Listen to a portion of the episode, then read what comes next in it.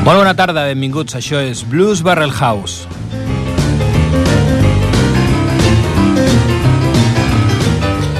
Transmitint en directe des de Ripollet Ràdio al 91.3 a la freqüència modulada.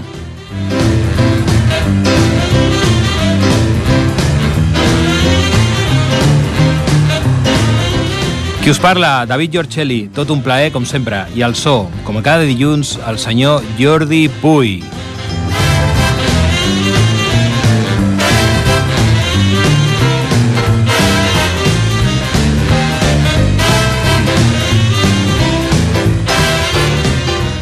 I com sempre, dins d'aquest espai, farem una travessia on el blues serà el principal protagonista. Recordem que és un gènere musical d'origen afroamericà, música d'arrel i música amb molta ànima.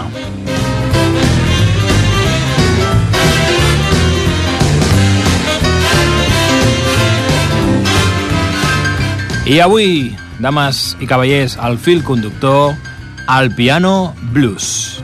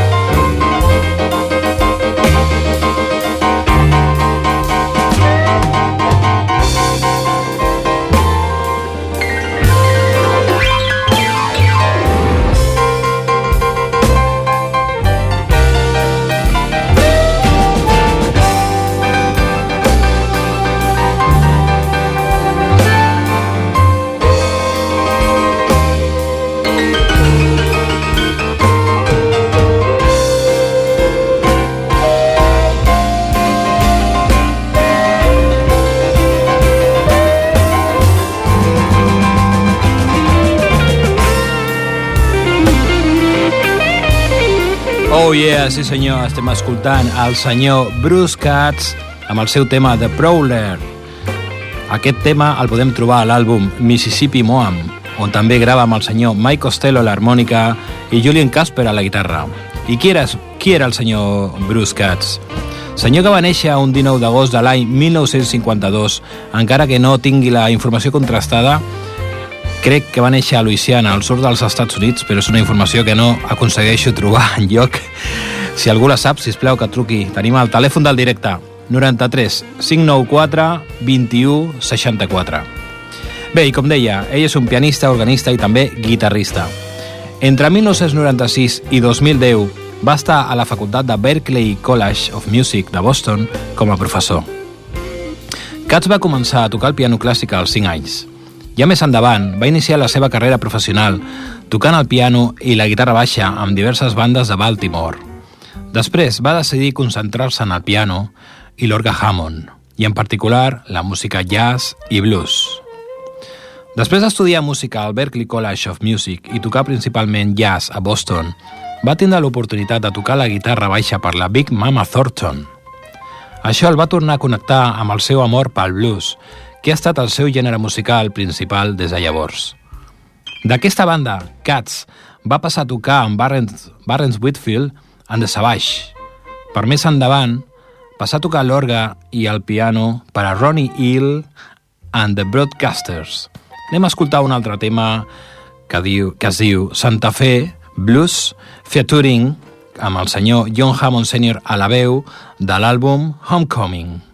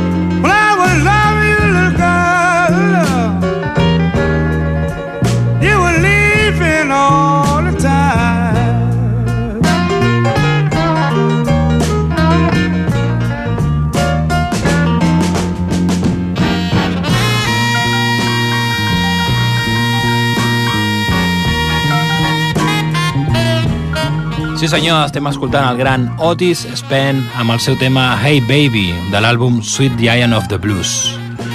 Otis Span, senyor que va néixer el 21 de març de 1930 a Jackson, Mississippi, i ens va deixar un 24 d'abril de 1970 a Chicago, Illinois. Va ser un pianista i cantant de blues nord-americà. Està considerat com el millor pianista de blues a Chicago de la postguerra. Va començar a tocar el piano als 8 anys d'edat, influenciat pel seu veí Friday Ford. Als 14 anys ja estava tocant en bandes locals, sempre a Jackson, i el seu estil estava influenciat pels senzills de Big Maceo que escoltava. L'any 1946 va decidir mudar-se a Chicago a provar fortuna i establir la seva carrera com a músic professional. S'inicia tocant amb el guitarrista Morris P. Joe fins a l'any 1952. Llavors el guitarrista Muddy Waters li va convidar a formar part de la seva banda. El seu prestigi com a instrumentista li transforma en el pianista de sessió de la discogràfica Chess. El seu piano pot ser presentat a les gravacions de Howlin' Wolf i Bob Dylan. Es va mantenir a la banda de Waters fins a l'any 1968, on decideix emprendre la seva carrera com a solista. L'únic registre pel celler Chess, que va ser com a solista, es limitarà a un single de l'any 1954 It Must Have Been the Devil, que compta amb un jove B.B. King a la guitarra. Posteriorment, van registrar un LP amb el guitarrista Robert Lookwood Jr. l'any 1960 i una sèrie de LPs pel celler Storyville, gravats a Copenhague. Ens va deixar l'any 1970 a la ciutat de Chicago, víctima d'un càncer a l'edat de només 40 anys. Posteriorment va formar part del Blues Home of Fame l'any 1980. Anem a escoltar un tema del senyor Otis Spann que es diu It Must Have Been the Devil, que és una cosa així com Déu havia estat el diable.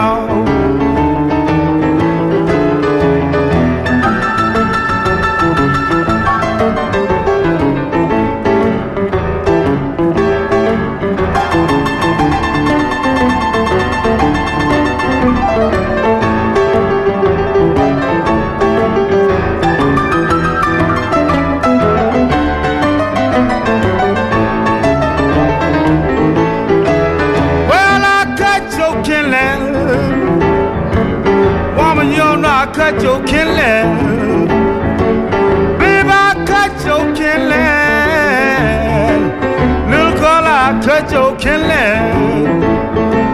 So, woman, don't you cry. Tony from Boggy by. Well, now look how it's lightning, baby. Woman, look how it's thunder. Baby, look how it's lightning. Woman, can you hear how it's thunder?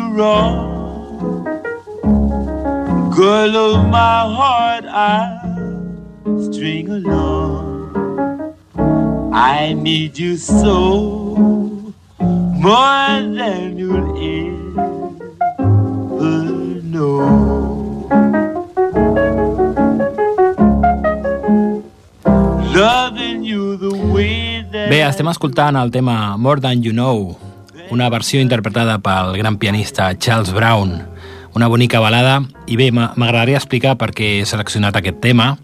Fa uns anys, veient una pel·lícula, una pel·lícula que es diu The Fabulosos Baker Boys, que són dos germans eh, que es dediquen a tocar el piano a les nits de, de Detroit, de Seattle, perdó, no de Detroit, de Seattle. Ells són pianistes de jazz i bé, has passat la vida tocant doncs, a sales, a clubs, etc. no?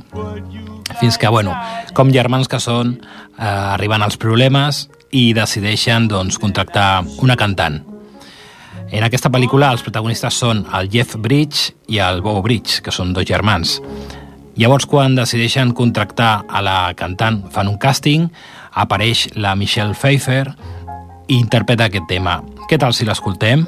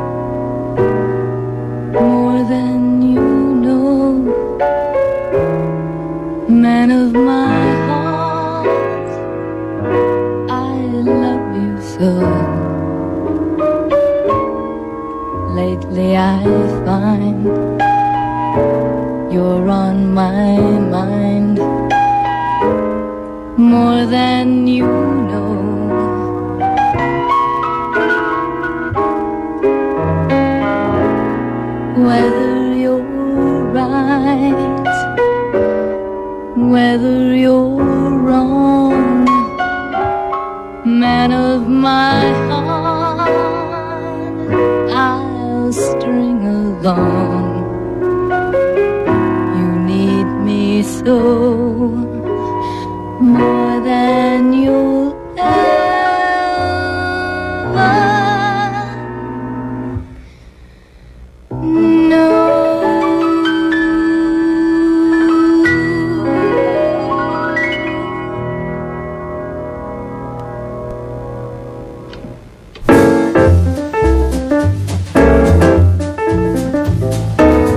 senyor, estàvem escoltant la Michelle Pfeiffer. Era un fragment de la pel·lícula The Fabulous Baker Boys, una, com deia abans, una pel·lícula americana de l'any 1989, escrita i dirigida per Steve Kloves i protagonitzada per la Michelle Pfeiffer, el Jeff Bridge i el Bo Bridge. Però bé, continuem amb la dinàmica d'avui. Avui parlant de pianistes, de blues, és el torn del senyor Charles Brown. Havia, havíem anticipat abans el tema More Than You Know, M'agradaria dir al senyor Charles Brown que va néixer el 13 de setembre de 1922 a Texas i es va deixar un 21 de gener de 1999 a Califòrnia. Va ser un cantant i pianista de blues nord-americà amb un estil suau de blues i de ritme durant la dècada dels 40 i dels 50. Ell va obtenir diferents èxits amb el tema Merry Christmas Baby o Drifting Blues. Brown va néixer a Texas City, a l'estat de Texas. Era un nen que amava la música i va rebre formació de música clàssica al piano. Es va graduar a l'escola secundària Central de Gableston, a Texas, l'any 1939, i a Prairie Way College l'any 1942 amb una llicència en química. Es va convertir en professor de química a la George Washington Carver High School of Bayton, Texas, i era un treballador de l'arsenal de Pine Bluff, Arkansas. Podríem dir que és una persona que va fer diverses activitats abans de dedicar-se plenament al món de la música. Ja més endavant, l'any 1943, va decidir establir-se a Los Angeles. Anem a escoltar un altre tema interpretat pel senyor Charles Brown, que respon al nom de Fool's Paradise. I often think of the life I live, and it's a wonder I ain't dead. Drinking and gambling, staying out all night, living in a fool's paradise. My mother told me, father told me too. Someday, my child, fate will catch up with you. Drinking and gambling, staying out all night, living in a fool's paradise. Though I've learned my lesson, like all fools I've met, I've learned the things in this world. I remember to my dying day. My father told me, mother said it right. Said, my child, you're running your life. Drinking and gambling, staying out all night, living in a fool's paradise.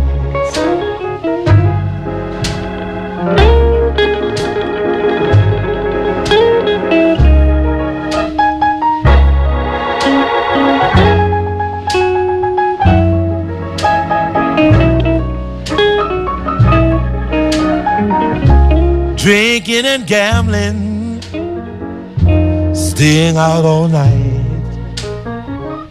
living in a fool's paradise, living in a fool's paradise.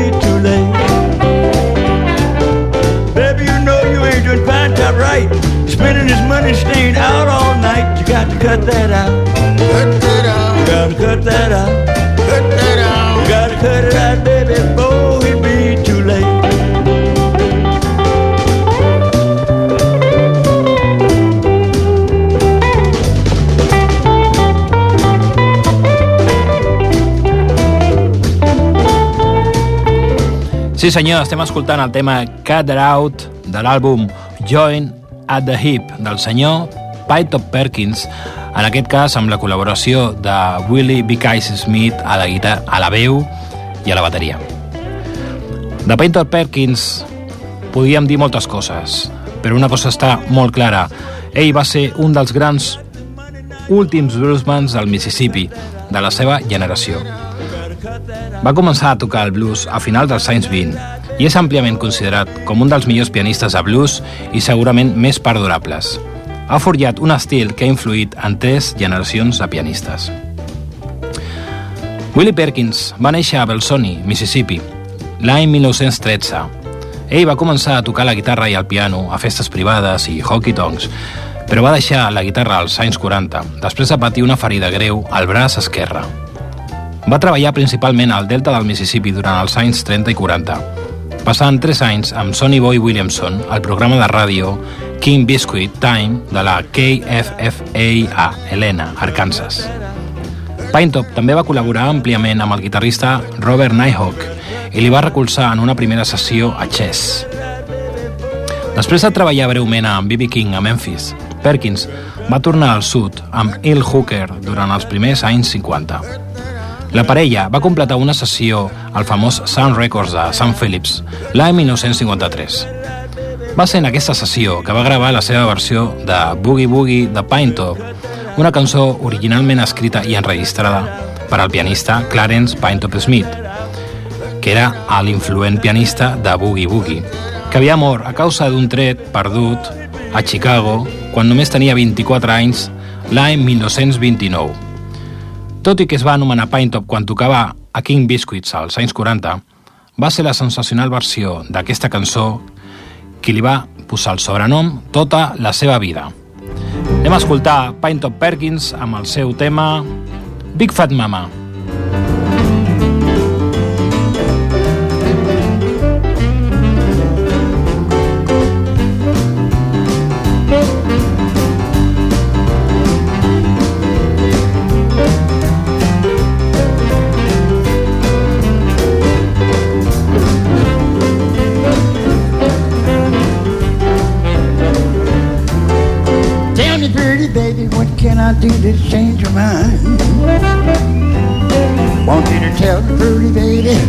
What can I do to change your mind? Case pint don't worry, baby, about that all the time. She's the big fat mama, yes, the big fat mama, the big fat mama, she's the big fat mama, the big fat mama with the meat shaking on her bone.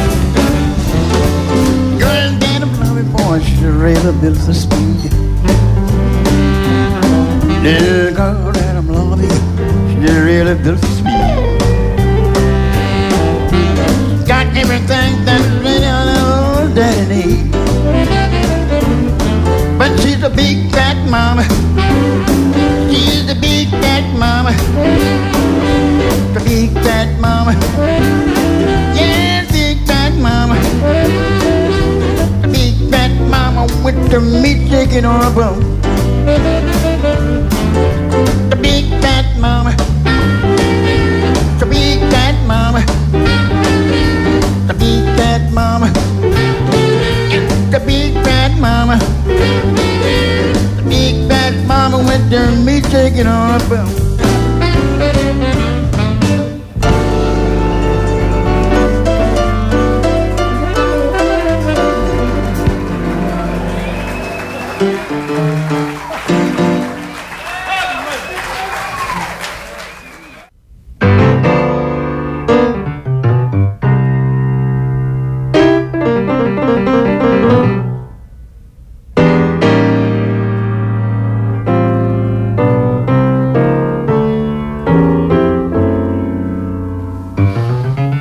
Ok, continuem aquí a Blues Barrel House, avui parlant de grans pianistes de blues.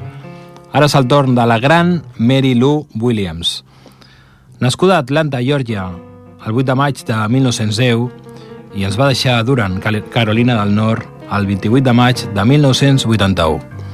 Va ser una gran pianista, arreglista i compositora nord-americana, que va des- desenvolupar el seu treball en diversos estils, des del swing, passant pel bebop, stride, boogie i el free jazz. Ella va començar la seva carrera com a pianista sota el nom de Mary Burlick i amb un grup on es trobava el saxofonista John Williams, amb el que es va casar, adoptant el seu nom com a nom artístic. Els dos van tocar amb la Big Band d'Andy Kirk l'any 1929 i després, ja en solitari, es mantindrà gairebé dos anys amb el grup 12 Clouds of Joy com a pianista i treballant en els arranjaments. També ho va fer per a músics com Jimmy Lucenford, Louis Armstrong, Benny Goodman i L. Hines. L'any 1942 va formar una banda amb el seu segon marit, el trompetista Harold Baker, i va realitzar obres per a Duke Ellington. En els anys 70 es va aproximar al free jazz, tocant al costat de Cecil Taylor. Williams va ser una pianista brillant, amb una creativitat desbordant i una capacitat musical revolucionària, passant per tots els estils jazzístics de la seva època. La seva capacitat musical va ser desbordant. Va ben sempre en les fonts del blues. Anem a escoltar un directe, un tema que es diu Rollem, enregistrat a l'any 1978 al Festival de Jazz de Nissa. Rollin',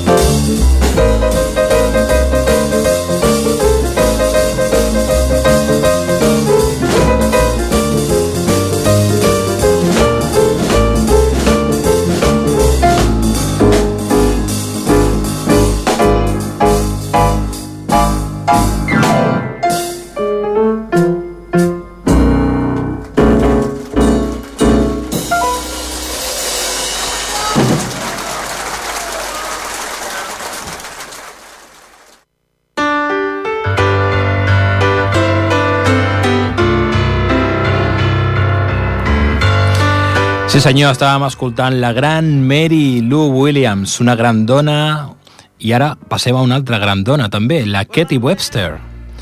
Qui era Katie Webster? Considerada la reina del boogie-boogie, va néixer l'11 de gener de 1936. El seu veritable nom era Catherine Jewel Thorne. Va aprendre a tocar el piano des de molt petita, vivint a Houston.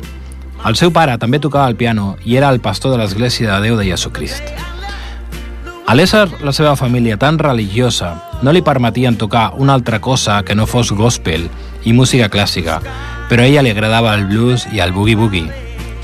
Encara no havia complert els 20 anys i es va traslladar a Louisiana per treballar com a pianista amb el cantant de blues Aston Savoy. Al Bamboo Club, tocant una nit, va conèixer a l'Otis Reading i aquest li va demanar que treballés amb ell. Li va dir «Es vindria aquesta nit amb el meu grup?» Cathy li va respondre «Aquesta nit no puc, però podria estar a punt a primera hora del matí». Cathy va marxar amb Otis Redding per fer-se càrrecs dels teclats i va estar amb ell i la seva banda fins l'any 1967, any que Otis morí en un tràgic accident d'avió. Cathy també havia d'haver agafat aquell avió, però en aquell moment estava embarassada i va decidir no viatjar. La mort d'Otis la va deixar molt abatuda i va deixar els escenaris durant els dos anys següents. L'any 1982 va fer una gira per Europa participant en diversos festivals i va aconseguir bastant popularitat entre els circuits blueseros, del blues. I als anys 90 va fer diverses gires europees, de vegades en solitari i d'altres vegades com a integrant del grup Stars of Boogie Boogie. Els directes de Cathy era tot un espectacle, per la seva forma de tocar el piano, la seva forma de cantar i la seva animada interpretació dels temes. Estem escoltant de fons el tema Sideco Shoes en California Blues. What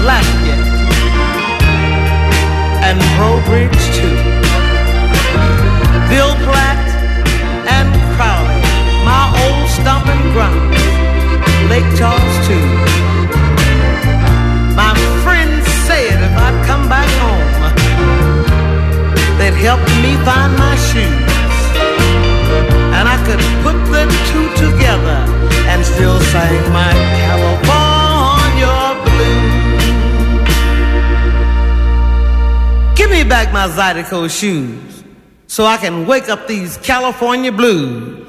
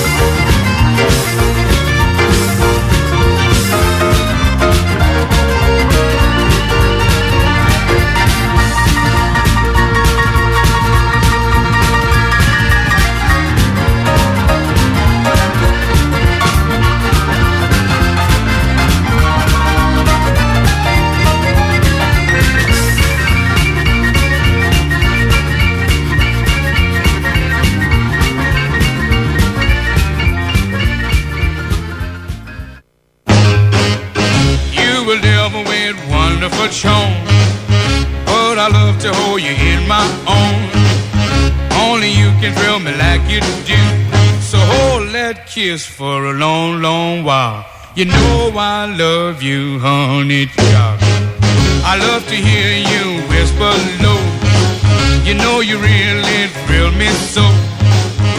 Only you can thrill me like you do. So. Sí senyor, estem escoltant el senyor Antoine Dominique Domino, més conegut com a Fats Domino. Senyor que va néixer a New Orleans un 26 de febrer de 1928 i ens va deixar també a Louisiana, en aquest cas a Harvey, un 24 d'octubre del 2017. Ell va ser un pianista, cantant i compositor clàssic de rhythm and blues i rock and roll afroamericà als Estats Units, considerat un dels pares del rock and roll. Durant els anys 50 i començament dels 60, va ser el cantant negre que més discos va vendre. El seu èxit va ser impuls per als artistes de New Orleans. Amb el boogie-boogie del seu piano i la seva característica veu de ritme suau, Fats Domino va donar un gir important a l'estil New Orleans, que va arribar a ser conegut com a rock and roll. I va arribar a vendre més de 65 milions de discos, que qualsevol cantant de rock dels anys 50 no va aconseguir, excepte el senyor Elvis Presley. Anem a escoltar el seu clàssic Blueberry Hill.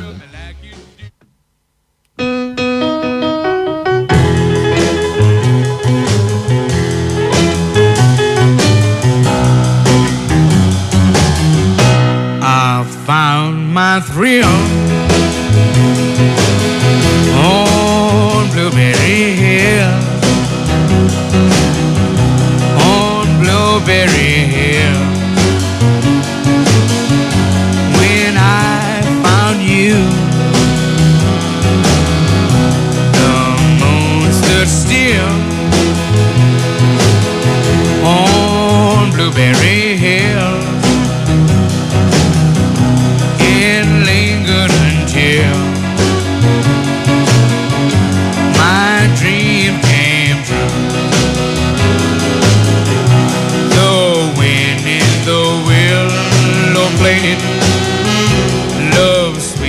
Ok, doncs fins aquí el programa Blues Barrel House, una setmana més.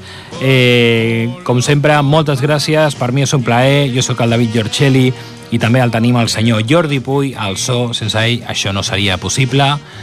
Ens sentim el proper dilluns, com sempre, de 6 a 7. Molt bona setmana.